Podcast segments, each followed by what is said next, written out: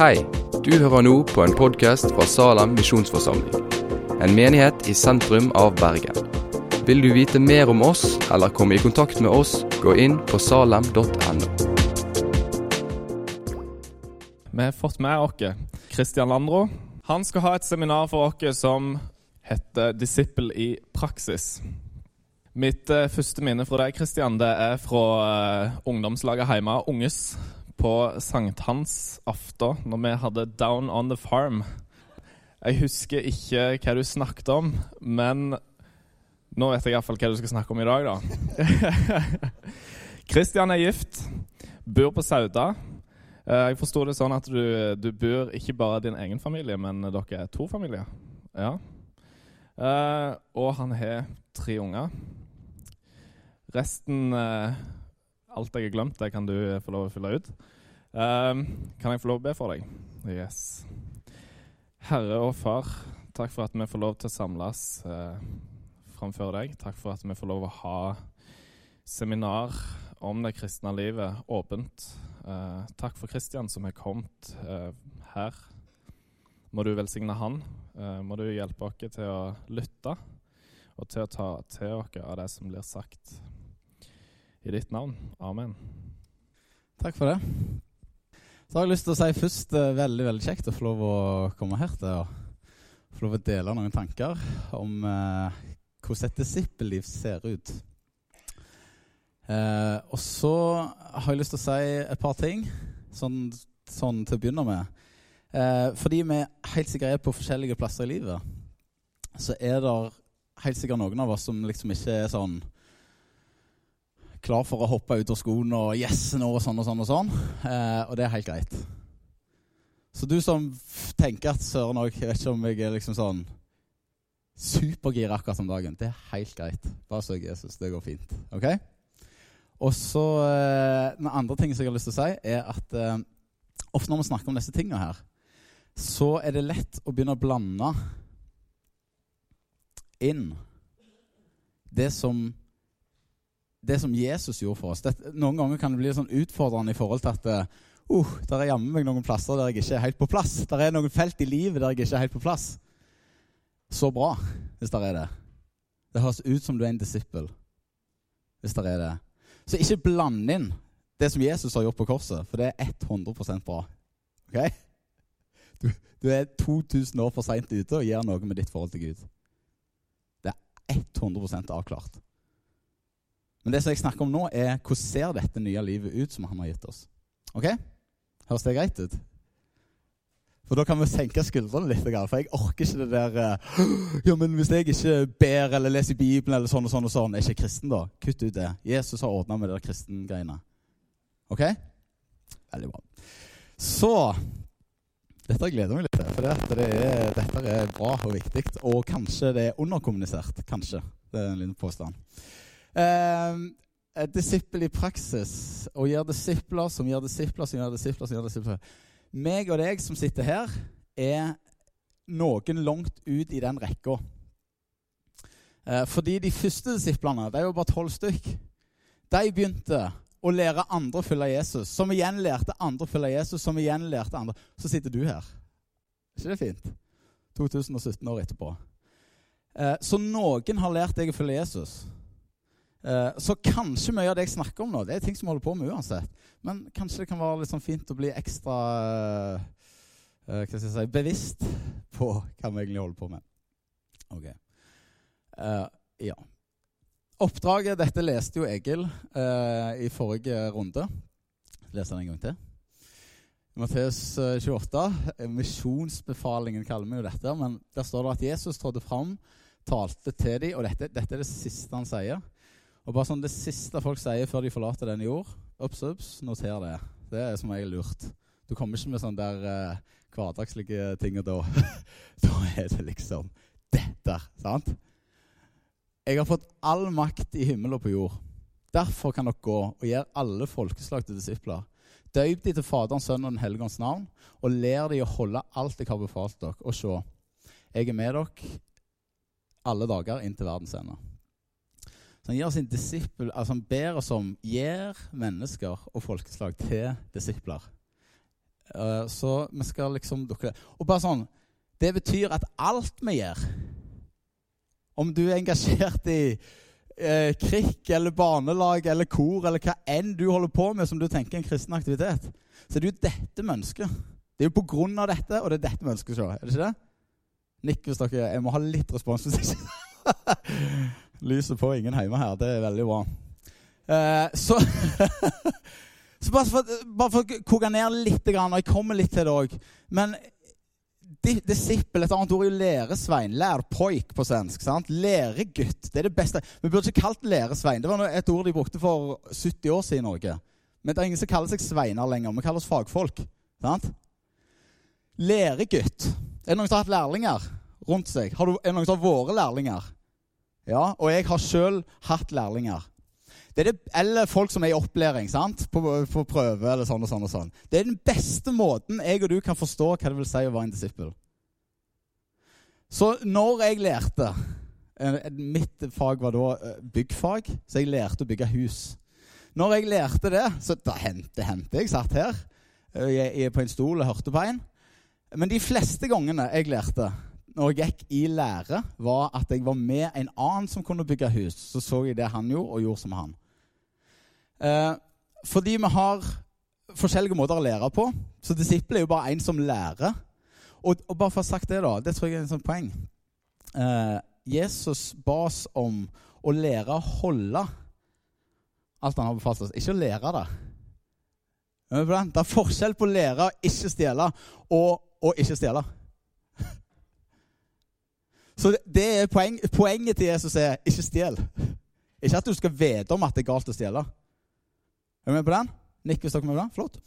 Så eh, det er to måter. Vi har to, i hovedsak da, to sånn læringstanker. Eh, den vestlige, som vi har, som grekerne begynte med, som handler om at jeg snakker, dere hører, jeg håper dere gjør det jeg sier. Er du med? At dere forstår så mye at det, dette får Det er den ene. og det, I norsk skolevesen er jo dette en stor debatt. Nesten kontinuerlig. Eh, den andre måten er jo som jødene hadde. For de hadde en helt annen måte å lære på. Deres måte er 'jeg gjør, og du gjør det jeg gjør'. Learning by doing. Eh, det jødiske lærlingssystemet Jesus var en rabbi. Bare ta det helt kjapt, for Det er liksom fint å vite om, ha en sånn grunnleggende forståelse av hvordan dette så ut på hans tid. Jesus var en rabbi, men det var mange rabbier på Jesus' tid. Eh, og rabbier, skolesystemet i Israel på Jesus' i tid, var sånn at når du var i fem-seksårsalderen, så ble alle gutter Jenter dessverre var utelukka. Uh, uh, men lat som dere òg er med, sant? Så, for dere er det. Så, sånn så det funker at alle gutter ble tatt inn på, på sånn her eh, rabbiskole. På skole, der de skulle lære de fem Mosebok-bøkene, altså Toranen, utenat. Uh, og det som skjedde, var at de beste av de beste av dem for når de var ferdige med det, så var de i utgangspunktet ferdige. Men de beste av de beste, altså de som fikk toppkarakter, ble tatt med videre til ca. 11-årsalderen, der, de, der de skulle lære hele Det gamle testamentet utenat. Og ikke bare lære det, men skikkelig kunne det. De var det ikke mange av. Men de beste av de beste av de igjen Hvis du var enormt sånn, du hadde virkelig noe ekstra, så kunne det hende at det kom en rabbi og sa 'Jeg vil ha deg som min disippel'. Hvorfor sa rabbien det? Jo, fordi han var helt overbevist om at du kan bli som meg. Det som er litt interessant i den settingen, da, det er jo at eh, hvor var det Jesus henta sine disipler? Det var ikke på rabbiskolen. De var ute og fiska. Og de var tollere. Tydelig at de har falt av dette systemet. De var ikke gode nok. De var ikke de beste av de beste. Så det er litt fint?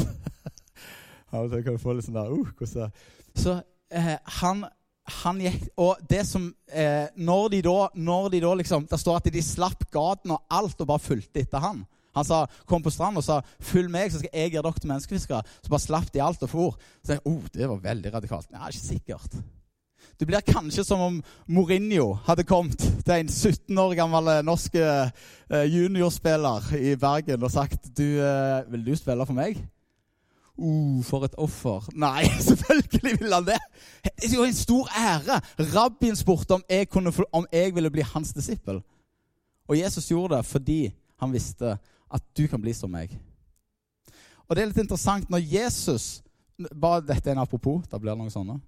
Peter, når han går på vannet For de trodde først det var et spøkelse de så når de så Jesus. Så sier Jesus, så sier Peter Det er interessant. 'Hvis det er deg', sier han. Så be meg om å komme ut. Hvorfor sier han 'hvis det er deg', Jesus? Fordi han visste at eh, jeg kan gjøre, han kan, jeg kan gjøre det han kan gjøre. For jeg er hans disippel, og han tror, har tro på meg. Er du med? Det var hele grunnlaget. Hvis det er deg, så be meg om å gå ut, for jeg er jo disippelen din. Sette ting litt i en sånn annen, annen tanke kanskje enn ofte det vi tenker. Ok, Så eh, en interessant ting med det Emmaus-vandrerne som eh, gikk og lenge med Jesus, men de kjente, kjente han ikke igjen. Altså Han må ha sett litt annerledes ut. Når var de kjente han igjen? Det var når han brøt brødet. Ok? Eh, eh, poenget er det var ikke Jesu lære eller samtalen de hadde, og sånn og sånn som de gjenkjente. Og det var ikke det Jesus fulgte. altså, De fulgte med Jesus in the dust of the master. De fulgte etter han overalt. Så Det betyr, det er de tingene som vi ofte tenker, som handler om det som skjer her inne. Det var en bitte, bitte, bitte liten del av det Jesus, når Jesus lærte dem. Altså Jesus sin måte å, å bryte brødet på, be for maten på, det var jo den de gjenkjente. Ah, det er jo Jesus! Det er akkurat sånn som han, Dette har vi på ganske mange ganger før. Det var da de gjenkjente det. Så det som jeg tenker da Jeg og du som disipler vi kan lære andre noe du har lært. Og Noe av det dummeste tenker jeg for min egen del, det er når jeg skal prøve å lære noen andre noe som jeg ikke har lært sjøl. Eller noe jeg ikke lever sjøl. Det betyr at når jeg skal undervise eller snakke med folk sånn det, det er faktisk ganske begrensa. For jeg har ikke sett alle ting ennå. Og jeg holder på å lære å følge Jesus ennå. Ok? Eh, så det som jeg tenker er vår oppgave, for bare for å ha sagt det 110% klart, det er at et menneske går ifra mørket til lyset. Det, for vi ønsker jo at folk skal følge Jesus. sant? At folk skal liksom møte han. Det at et menneske går ifra å elske seg sjøl til å elske han, det er et Guds mirakel, og jeg har ikke tenkt å gjøre det til noe mindre enn det. Uh, så bare sånn at det, ikke, det må Gud gjøre. Men det er faktisk noen ting jeg og du kan gjøre. Og dette har jeg lyst til å si litt sånn med frimodighet. Meg og deg kan lede folk nærmere Gud. Jeg kan, jeg, kan, jeg kan, vise folk og forklare folk hvem Jesus er. Og lede folk inn i fellesskap med Jesus. Jeg kan ikke endre hjertene til folk. Det må Gud gjøre. Er dere med på den? Han føder mennesker på ny, står det ordet som ble brukt i Bibelen. da. Um, og da har jeg lyst til å si det. Jeg snakket med ei dame en gang, og hun snakket om en, uh, en venninne av henne og hun var så interessert. da. Hun snakket om Gud og lurte på med bønn og lurte på om hun ba. og sånn. Så sier jeg, 'Oi, dette høres jo kjempebra ut.' 'Ja', sier hun. Men jeg så på henne at hun ikke var sånn kjempegira. Så sier jeg, 'Hva er problemet?' 'Nei, hun er ikke blitt frelst ennå.' Så What? Når ble det et problem? Eller hva mener du med frelst? det blir sånn her, Var disiplene frelst når de begynte å følge Jesus? Hadde de fått Den hellige ånd? Nei. Men hvem er meg og deg til å begynne å bryte inn i det Gud skal gjøre? Kanskje vi gjør det vi skal gjøre, og overlater til han det han skal gjøre. Er du med på den? Så dette gir meg litt sånn frimodighet. Og jeg tenkte jo, dette var jo kjempe, helt tydelig at Gud gjorde noe i den relasjonen. Hun kunne jo bare lede til Jesus. Men hun satt og venta på at du skulle få et med på et eller annet møte. rekke på hånd, et eller annet sånt greier som vi holder på med. Er du med? Ikke? Litt? Så eh, jeg tenker retningen vi gir folk, er mye mer interessante enn hvor de er hen. Så jeg har hatt folk rundt meg som jeg har opplevd har vært interessert i Gud. Og vi har gått den veien i flere år. Men tro meg, de har levd et helt annet liv enn det vi kaller for et kristent liv. Ikke sant? Men så kom det til et punkt der plutselig dette fikk en konsekvens for livet deres. Men min jobb er jo bare å prøve å lede dem nærmere Gud. Er du med på den? Er, altså, vi, vi, blir så fort opphengt i Jo, men de er ikke kristne. Sånn. Vet du hva, ja, Hva er disiplene det, da? Unnskyld meg. Det virker som Jesus bryr seg så enormt mye om akkurat hvor vi er, men mer hvor vi er på vei, hvilken retning vi har i livet vårt. Derfor sier han til de som var de verste himmelrike nærme dere, men til de som kunne Bibelen utenat, ormyngel. Er det ikke interessant? Hvordan Jesus omtaler horene og tollerne og de skriftlærde. Jeg syns det er interessant. Uh, må vi innom Ja, dette her kommer vi til. Det er noen sånn utrolig fine vers i Bibelen om, om, eh, som handler om disippelskap. Der et av de sterkeste er at det står at vi skal underordne oss hverandre. Det handler veldig mye om dette. Jeg skal komme litt inn på det. Ok, All disippelskap er til en påstand. All disippelskap skjer i relasjoner. Eh, og det tror jeg er så viktig at vi er klar over. Det er i relasjoner ting blir eh, det, Der ting skjer. Jeg hørte om en, eh, en Dette er ganske lenge siden, lenge før e-mail og Snapchat og alt det der. Eh, der eh, de drev og skrev brev. Det var et kjærestepar eh, som var voldsomt glad i hverandre. Og, men så måtte han i militæret. Så bestemte de seg for en ting. Vi skal skrive brev til hverandre hver dag. Ja, ja. Godt forsett. Så gjorde de det. Og hver dag da var det sånn at uh, der hun bodde, så, så hadde hun ikke sånn postkasse. Postmannen kom personlig og leverte brevet på døra hennes hver dag. Og etter ett år så gifta de seg, jenta og postmannen. Fordi ting skjer i relasjoner. eh, så det eh, Og litt av dette det er, jo, det jo dette Jesus har lært oss. Jeg skal ikke gå for mye inn på dette, for det, kommer til å ta litt tid. Men casen er den at eh, det Jesus har invitert oss til Grunnen for at Gud sendte Jesus, var jo ikke først og fremst at jeg og du skulle komme til himmelen. Ikke først og fremst det.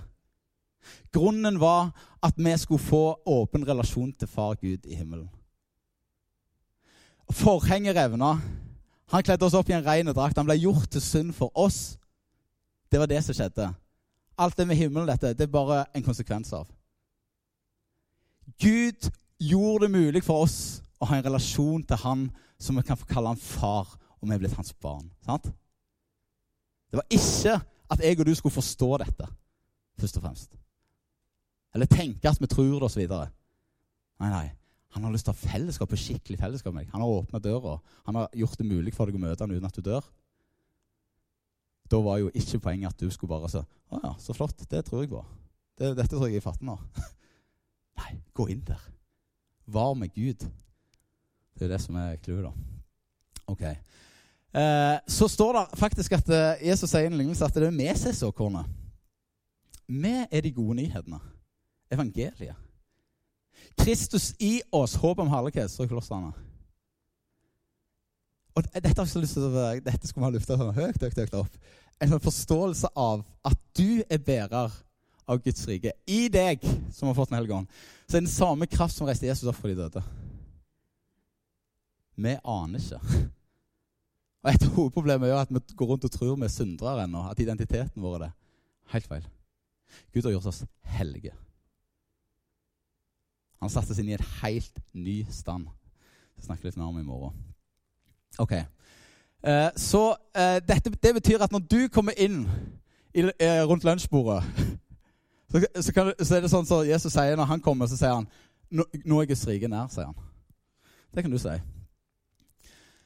Eh, så nå skal, jeg, nå skal, jeg, bare prøve å undervise et, et enkelt verktøy som jeg, har brukt, jeg har brukt i ganske mange år. Som jeg syns har vært veldig til hjelp i hvordan ser det ut å følge Jesus. ok? Eh, så denne her modellen her, den finner du ikke i Bibelen. Men prinsippene rundt det det håper jeg du finner i Bibelen. Satser på det. Eh, og så er det andre bare sånn at det skal bli litt lettere å forstå. Høres det greit ut? Ja, ja, ja veldig bra. Ok. Eh, den teksten, Dette er noe av det første som skjer eh, med Jesus' sin gjerning. Dette er henta fra Markus 1. Det som har skjedd, er at Jesus har blitt døpt. Han har blitt ledet ut i ørkenen. Og bare for å ha sagt det der om at Jesus ble døpt tenker sånn, Vi trenger å vite hvor ting starter i dette disippellivet. Fordi, Hvorfor skulle Jesus bli døpt? Han er jo Guds sønn. Ikke det så merkelig? Har dere tenkt på det? Hva i verden skulle han med dåp? Hva er det som skjer i dåpen, da? Det skjer en ganske viktig ting i dåpen når Jesus blir døpt av døperen Johannes. Det står at himmelen åpner seg, og det er ei, ei due som kommer ned, og en stemme som sier hva er det som er så viktig for denne stemmen, hva er det som er viktig for Gud å få sagt. Det er jo det som er hele poenget her. Gud har en beskjed til Jesus. Hva er den beskjeden? Du er min sønn. I deg har jeg mitt velbehag. Du er min elskede sønn, står der. I deg har jeg mitt velbehag. Han bare forklarer Jesus hele identiteten hans. Vet du hvem du er? Du er den jeg elsker overalt. Bare sånn, Hvis ikke dette er på plass, glem resten av det jeg skal si. Ok? Det er jo viktig i forhold til denne tingen. Bare så du vet det, før du gjør noen ting som helst. Du, den du er, du er den jeg elsker over alt. Hvorfor var det så viktig? Hva som skjer med Jesus? Rett etterpå så står det at han, blir, han er i ørkenen, og så blir han frista av djevelen. Hva er det djevelen sier til han? Se, her er det mat, eller sånn og sånn. Nei. Han sier, 'Hvis du er', sier han, 'Guds sønn'. Hvordan angriper han på? Det er på identiteten hans. Er det ikke interessant? Knekker han med en gang, liksom. Så Jeg tror det var en grunn for at Gud nettopp gjorde det først. Det var for å si dette er fundamentet ditt. Dette er det du kan stå, dø, leve på alt. Jeg elsker deg. Og så eh, Ja. Så dette er rett etterpå. rett etter han har kommet ut av ørkenen. Så det er noe av det første Jesus sier. Jeg tror det er viktig av den grunn. Jeg tror det er en slags, ja, jeg, jeg skal ta ut noen prinsipper i hvert fall av denne. Der står det, Etter at Johannes var blitt fengsla, kom Jesus til Galilea og forkynte Guds evangelium og sa Tida inne. Guds rike er kommet nær. Vend om og tro på evangeliet. Jeg skal prøve å forklare litt. Eh, når, han sier at tida er inne Vi har forskjellige ord for tid. Eh, det vil si, På norsk kommer ett ord, og det er tid. Men vi kan forstå forskjellige ord. På gresk har, du iallfall to tydelige typer ord. Et som heter kronos, som er tida som går. Derfor sier vi kronologisk rekkefølge, altså tidslinja. Er du med på den? Eh, og så har vi det ordet som er brukt her. Det er et ord som heter kairos som ikke handler om tida i det hele tatt, men som handler om noe bestemt som skjer på et tidspunkt. Så vi bruker tida litt sånn Husker du den tida? Ja, har det noe med årstall og klokkeslett Nei, det har ikke noe med det å gjøre. Men det var noe spesielt som skjedde da. Russetida. Eller den tida. Er du med? Kan dere gjenkjenne dette? Altså, Vi har ulike begrep for tid. og det er helt tydelig, Norske språket er sånn småfattig, egentlig. Men her er det helt tydelig. Det er ikke, ti, det er ikke sånn Ja, da var klokka der. Da kan vi finne. Det er ikke det Jesus sier, tida inne, liksom. Men han sier det er et bestemt tidspunkt nå. Det er et eller annet som kan skje nå. OK, påstand. Kommer med sånn påstand av skudd ifra hofta. vel så det. Nei da. Eh, jeg tror at Gud snakker til meg og deg mye mer enn når jeg og du sitter her og med nesen ned i Bibelen. Jeg tror definitivt han gjør det når du sitter her, og når du har nesen ned i Bibelen. Så bare ikke tro at jeg sier noe annet enn det. Jeg tror det er noe av det viktigste du kan gjøre. Men jeg tror i løpet av alt som skjer i livet ditt i din vanlige hverdag, så tror jeg Gud ønsker å gjøre ting. Jeg tror Gud er interessert i det. Jeg tror Gud vil ønsker å endre eller Jeg tror han vil at hans rik skal komme inn i alle disse tingene. Er du med på den? Jeg tror Gud har noen bestemte tidspunkt i løpet av din dag, uke, måned, år. Store og små. Og Dette er litt sånn spennende, for jeg tror jeg og du trenger å bli mer oppmerksom på hva er det i all verden er det Gud gjør. Hvis vi skal få lov å oppsummere sånn, så enkelt det kan hva det vil si å være disippel av Jesus følger han, hør Gud og gjør det. Hør Gud og gjør det. Finner du hva Gud gjør, og gjør det, du. Det er det samme som Gud gjør i ditt liv. Ok? Dette er uh, Så uh, jeg tror at i våre liv, i vår hverdag, så finnes det Gir det mening, dette med Kairos? Ikke hvis dere forstår hva jeg mener med det. At det, det, det er på en måte tidspunkt der uh, tida blir definitivt uvesentlig. Men ok, når du, når du legger deg om kvelden, hva er det da du tenker på? Garantert er det en eller annen ting som du tenker på. Hadde du en krangel på jobb? Er det et eller annet som du er enormt begeistra for? Er du med? Når du er helt alene, når du søker Gud, hva sier samvittigheten din?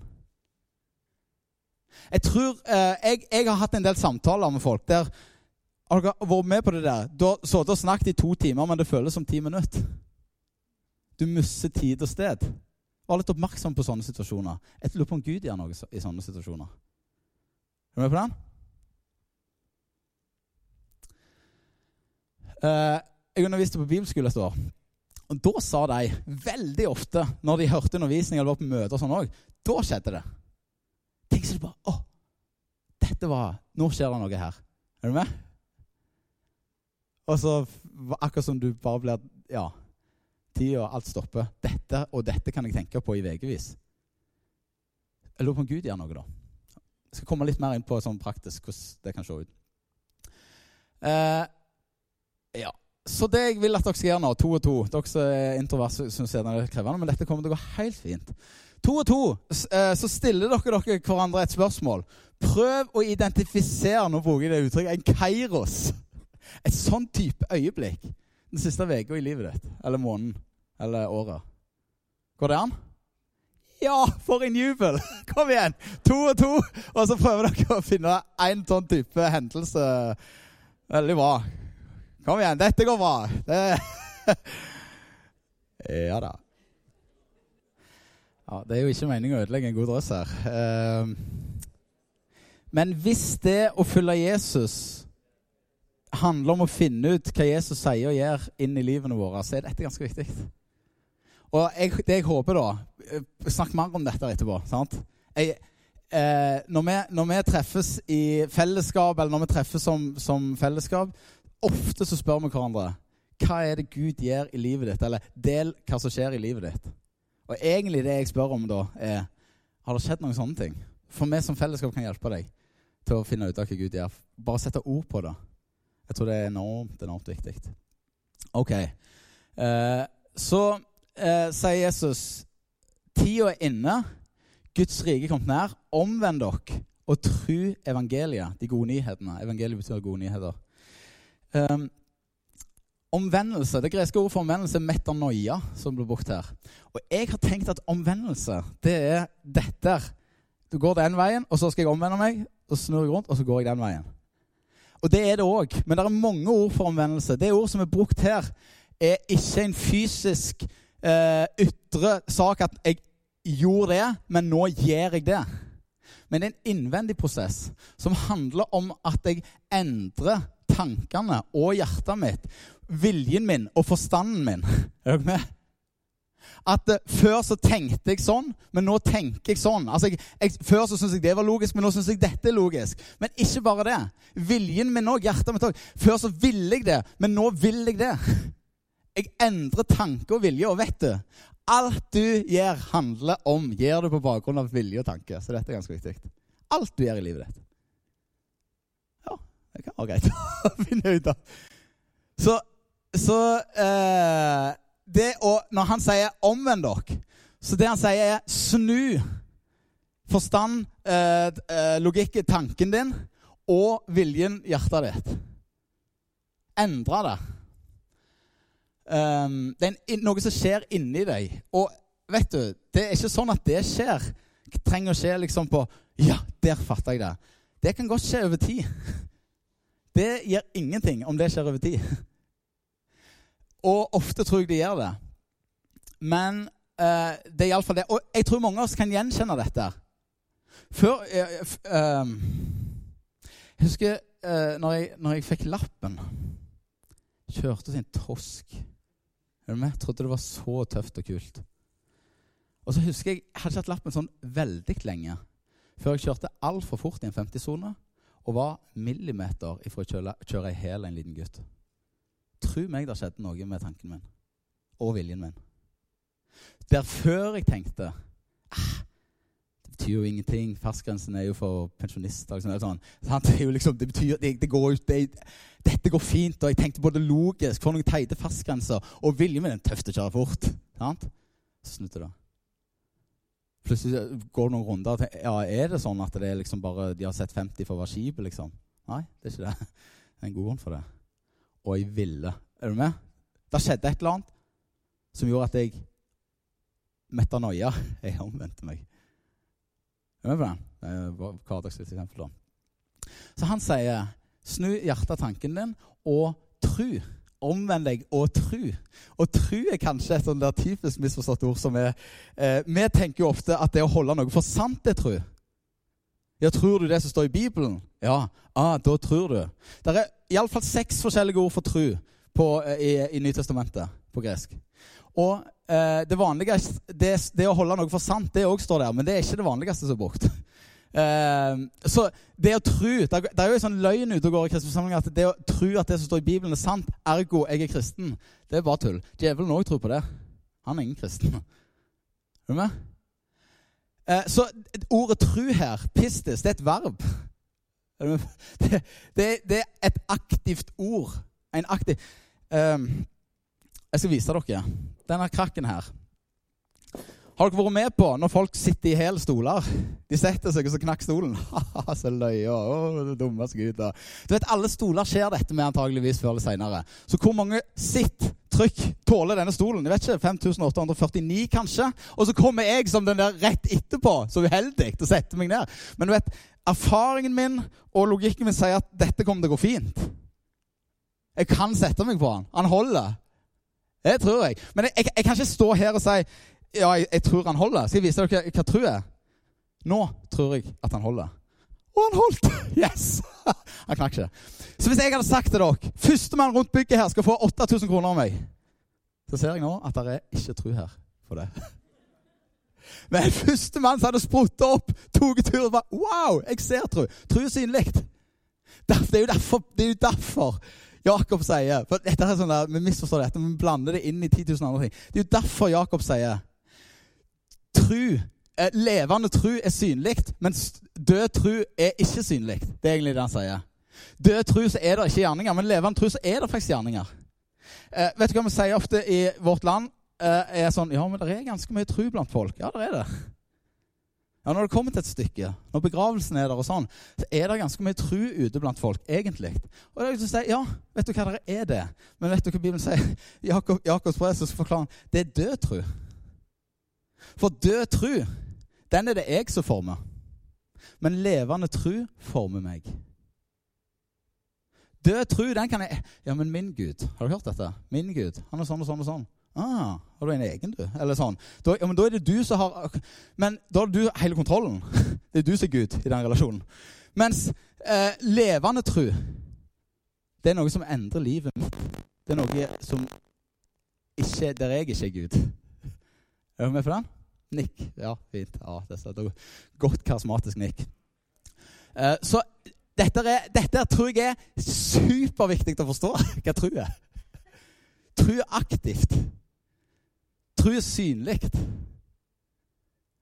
Tro er praktisk. Eh, så um, Ja. Og tro kommer av, som sagt, det sa jeg jo, og kommer jo av den.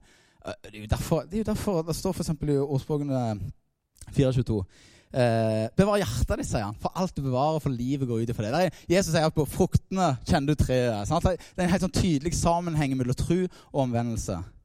Eh, og, og, det er dette Jesus ønsker, og det er dette det handler om å følge han. Dette er sånn der, Han ber oss om endre hjertet og tankene og gjør det.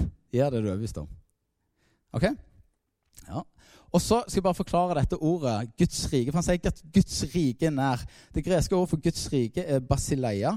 Som ikke betyr bare i landegrenser som kongeriket Norge, men det betyr Det er et aktivt ord, det òg. Og det betyr mer utøvende makt.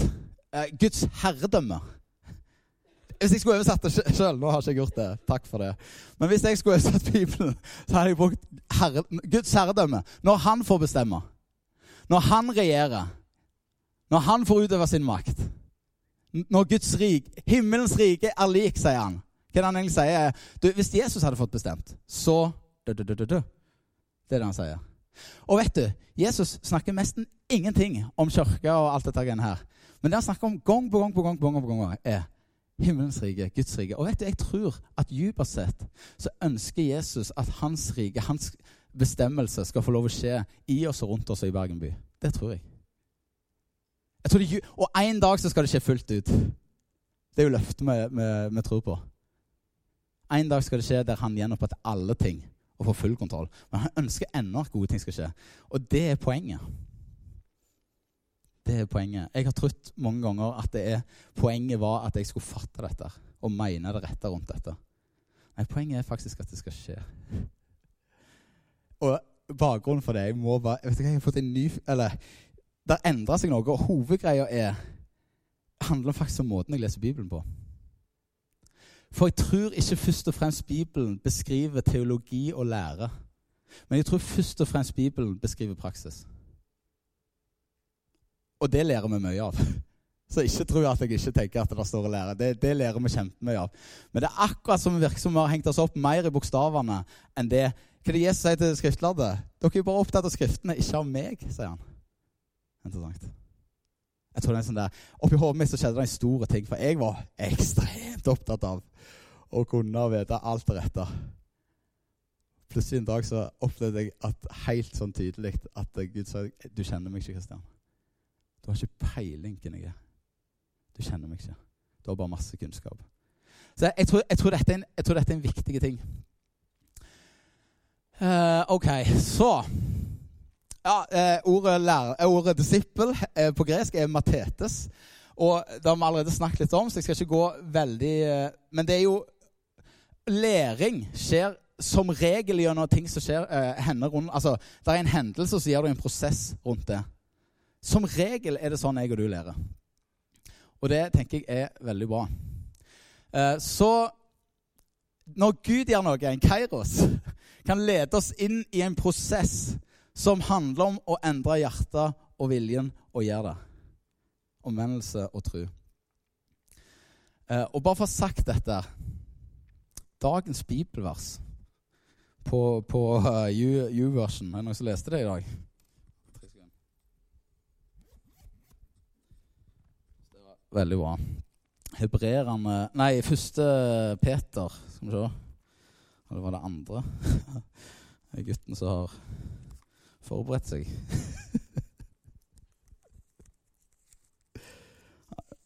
Skal vi se.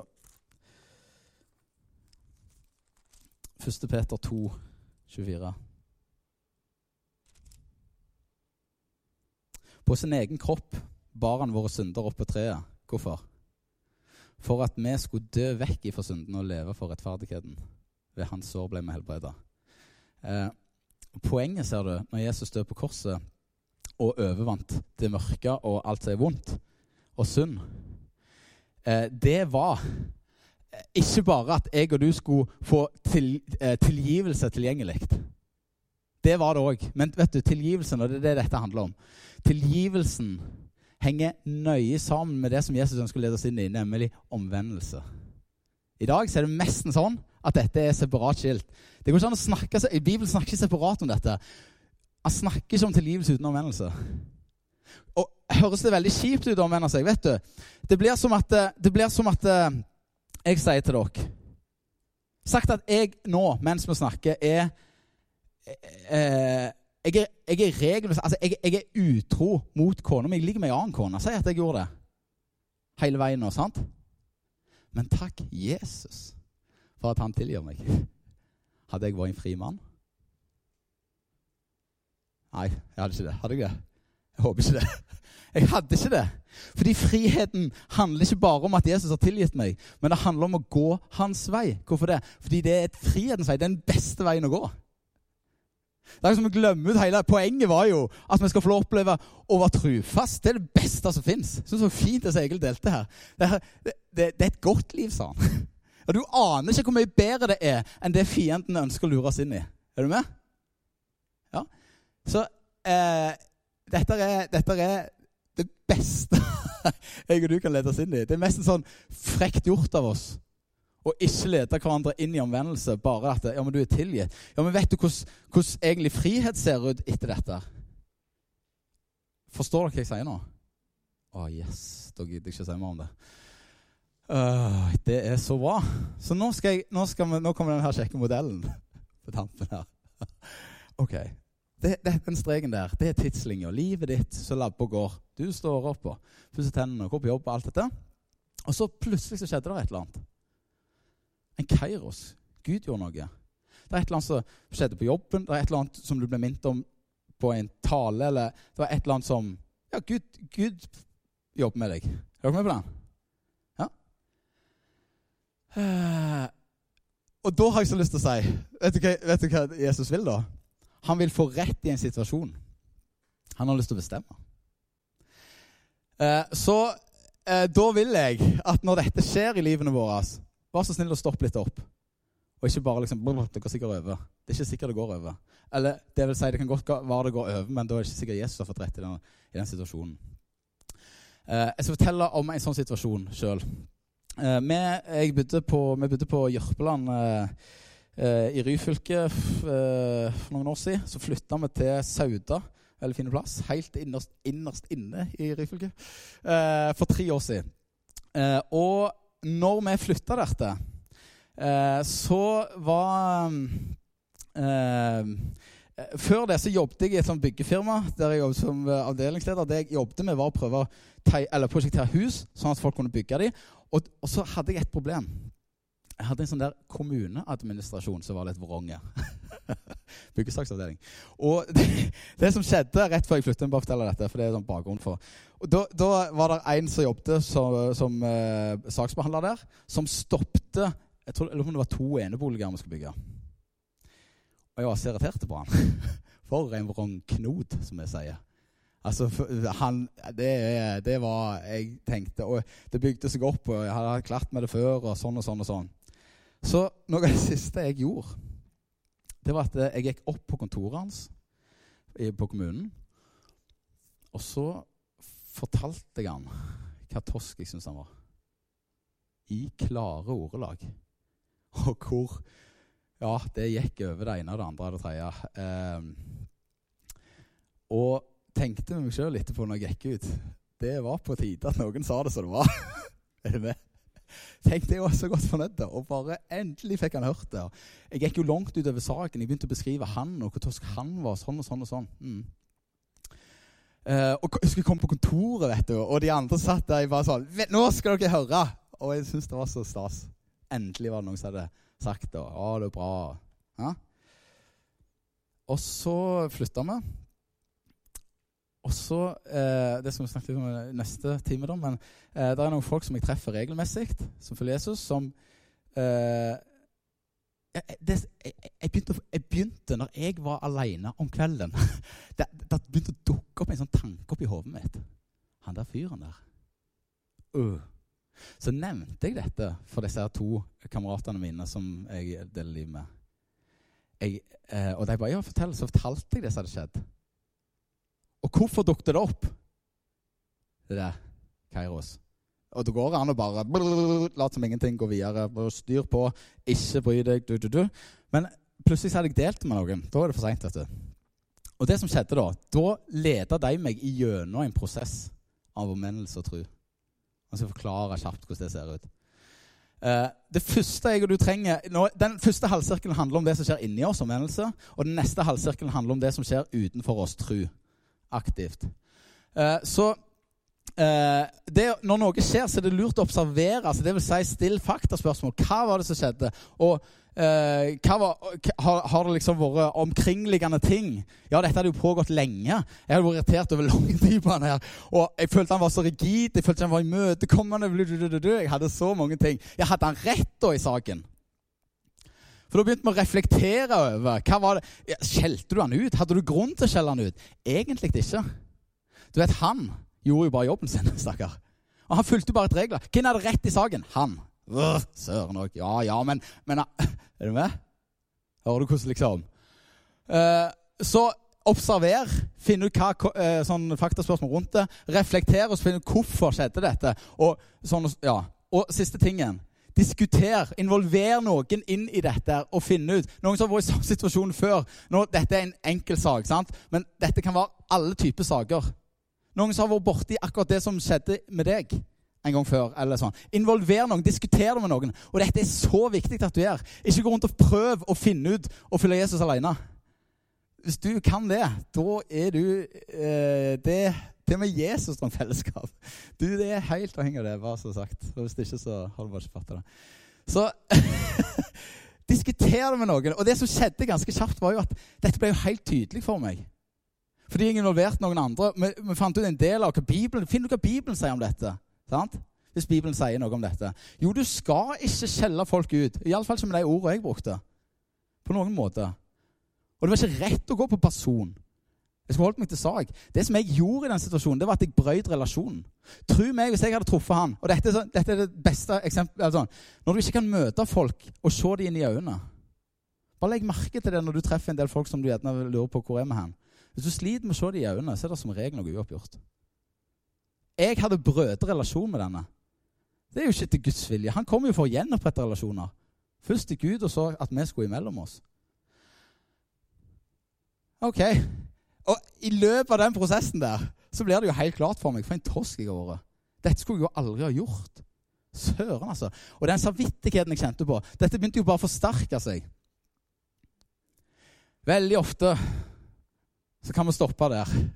Så bøyer vi knær. Ber om tilgivelse. Sånn men da er jo ikke Jesus fått rett. Det er jo enda en uoppgjort bråten relasjon. Er du med på den? Ja, så fint. Så da eh, tenker jeg, da skal vi tro på det. For det hadde skjedd noe inni Jeg ville jo gjenopprette med han. Jeg, jeg forsto jo hva jeg hadde gjort. Både intellektuelt, hva som var feil, og hjertet mitt trekte. OK? For å forklare litt enkelt. Så da må vi gjøre det. Du vet, Det vi sier, er legge, eh, det, eh, God planlegging er halve jobben, sier vi. Ja, det er jo ofte sånn. Eh, hvis, hvis, vi treffes nå, så bare Ja, det var hyggelig sånn og sånn. Du, vi skal ikke ta en kaffe neste uke. Jo, det gjør vi. Hvor stor sjanse er det for at dere gjør det? Veldig liten. Men hvis dere sier Du, skal ikke ta en kaffe neste uke? Jo, hva tid da?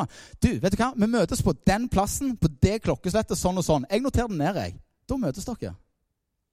Det er ganske mange ting som jeg og du vil i løpet av ei uke som du ikke får gjort. Men det som kommer ned i kalenderen din, det blir gjort. Ja, men helt seriøst, Jeg gjør en masse ting i løpet av uka. Og det er stort sett det som står i kalenderen. Dessverre. Eller sånn at vi har en kalender, men sånn er det blitt. Så legg en plan, vær så snill, og så konkret som mulig. Dette er mye viktigere enn handlelista di. Dette er superviktig. Legg en plan. Vi skulle legge en plan. Jeg skulle be om tilgivelse. Og, og jeg var litt sånn Jeg, hadde, jeg kjente jo at det, eh, dette jobber litt med meg. For vet du hva jeg jobber med? Min egen stolthet. Det å ydmykes på den måten sånn. Gå tilbake igjen til noen. Og, uh, så jeg lurte meg til og sa at eh, Ja, først var det du må, du må gå til han. Og egentlig så burde jeg det. Hadde ikke vært for at det var fem timer fram og tilbake med bil. Og det blir litt lenge. Så jeg sa eh, greit, jeg kan ringe han. Men først så prøvde jeg med å si at jeg skal sende en mail. det er veldig enkelt. Oi, oi, oi. Så jeg, vet du Nei, nei sier de. Du skal iallfall ringe hvis du ikke besøker han. OK, eh, jeg ringer han, men hvis han ikke tar telefonen så sender jeg mail. Ja, ja, greit det. Eh, eh, så var det sånn Ja, når skal du ringe han, da? Nei, en gang det ikke er så travelt på jobb. Jeg jobber i kommunen. Eh, og jeg tenker sånn Eller ja, det er selvfølgelig Eller det er ikke, det er ikke supertravelt alltid for folk som jobber i kommunen, da, for å si det på en fin måte. Uh, Iallfall. Jeg sa det var veldig travelt, og jeg skulle gjøre det når det ikke var så travelt. Og dette dro ut og dro ut. For det som er clouet her, punkt nummer to Få noen til å følge deg opp på dette. Tro meg, de fleste tingene som har blitt gjennomført i mitt liv, og det Gud får lov til, så er det fordi noen har vært med og eh, ble vi enige om dette. Og ikke for å være sånn kjip sånn, sånn. Nei, nei, nei. Det er akkurat det verset som vi leste før. Det å underordne seg hverandre. Jeg vil at du skal, jeg trenger at du skal gjøre det. Det største problemet mine ligger i blindsonene mine. Jeg ser det ikke. Jeg må ha hjelp. Derfor har jeg så lyst til liksom sånn, Den der forståelsen av at du ikke trenger hjelp til å følge Jesus uh, Hvis du har den, det, det har du ikke. sant ikke? Nei. Du trenger hjelp. Du gjør det. Så få noen til å hjelpe deg. Be om oppfølging. Du må be om det. Det er så mye lettere mye lettere enn at noen kommer og sier ja, dette skal jeg passe på. Nei, be sjøl. Kan du sjekke meg på dette? Jeg har lyst til å gjennomføre det, det er bare litt vanskelig. Og vet du hvorfor det er vanskelig? Det er fordi det er krig i dette. Sant? Mørk mot lys osv. Ok.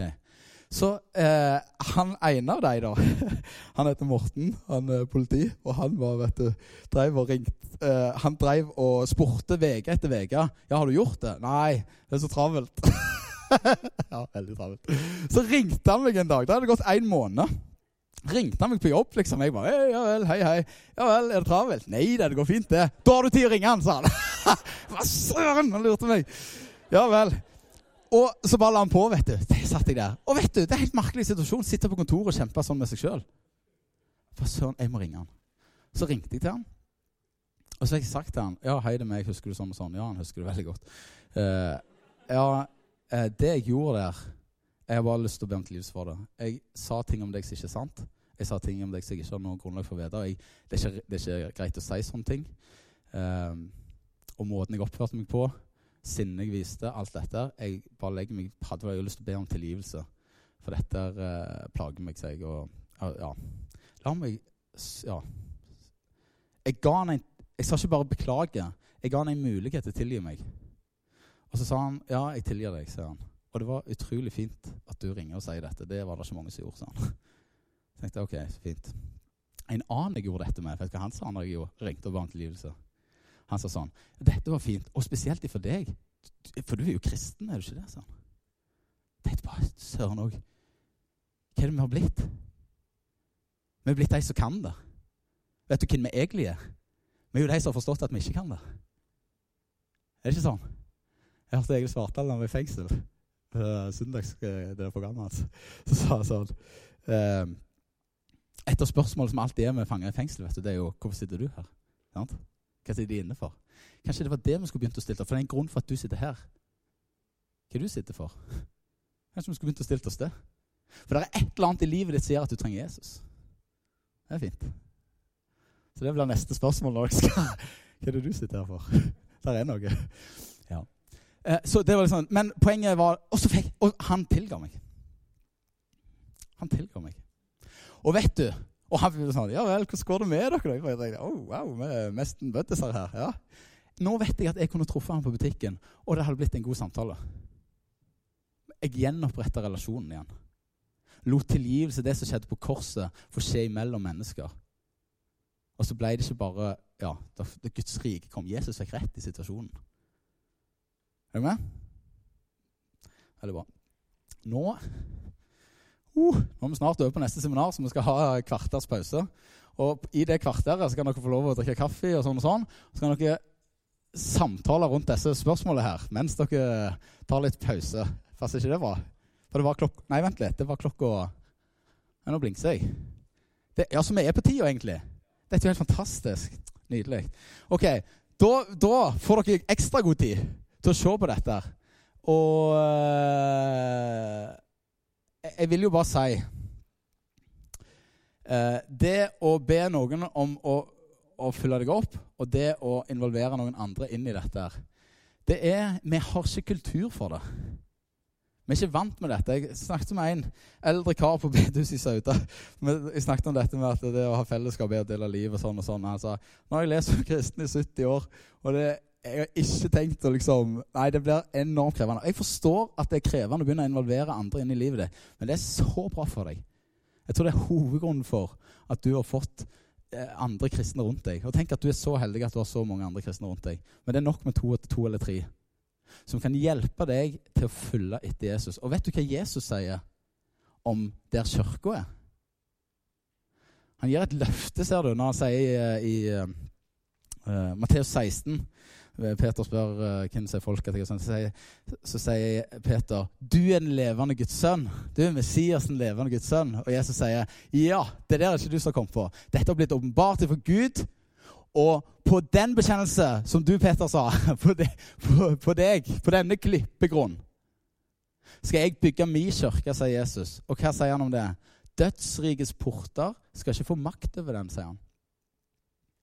Du vet, eh, Eklesia, det er ordet for kirke som er brukt der. Eh, når, når, Bibelen skal beskrive hvordan eklesia ser ut, så bruker han et ord som heter koinonia. Som betyr å dele liv. Så når mennesker deler liv, så har ikke fienden makt der. Dette tror jeg på. Og jeg merker det. Jeg merker at det skjer noe når jeg er rundt kroppen til Jesus. Da endres ting, for fienden har ikke makt når kroppen til Jesus er der. For han har tapt mot Jesus, og det er jo veldig bra. Det er vi nå glad for. ok, dette passet veldig godt. Jeg var redd jeg hadde vast meg langt vekk her nå. Da skal jeg bare si det sånn at vi tar pause nå.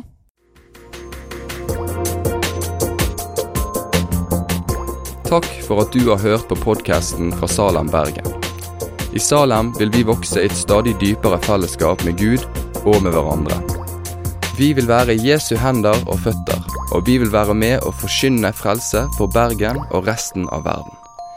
Besøk oss gjerne på salem.no om du vil vite mer.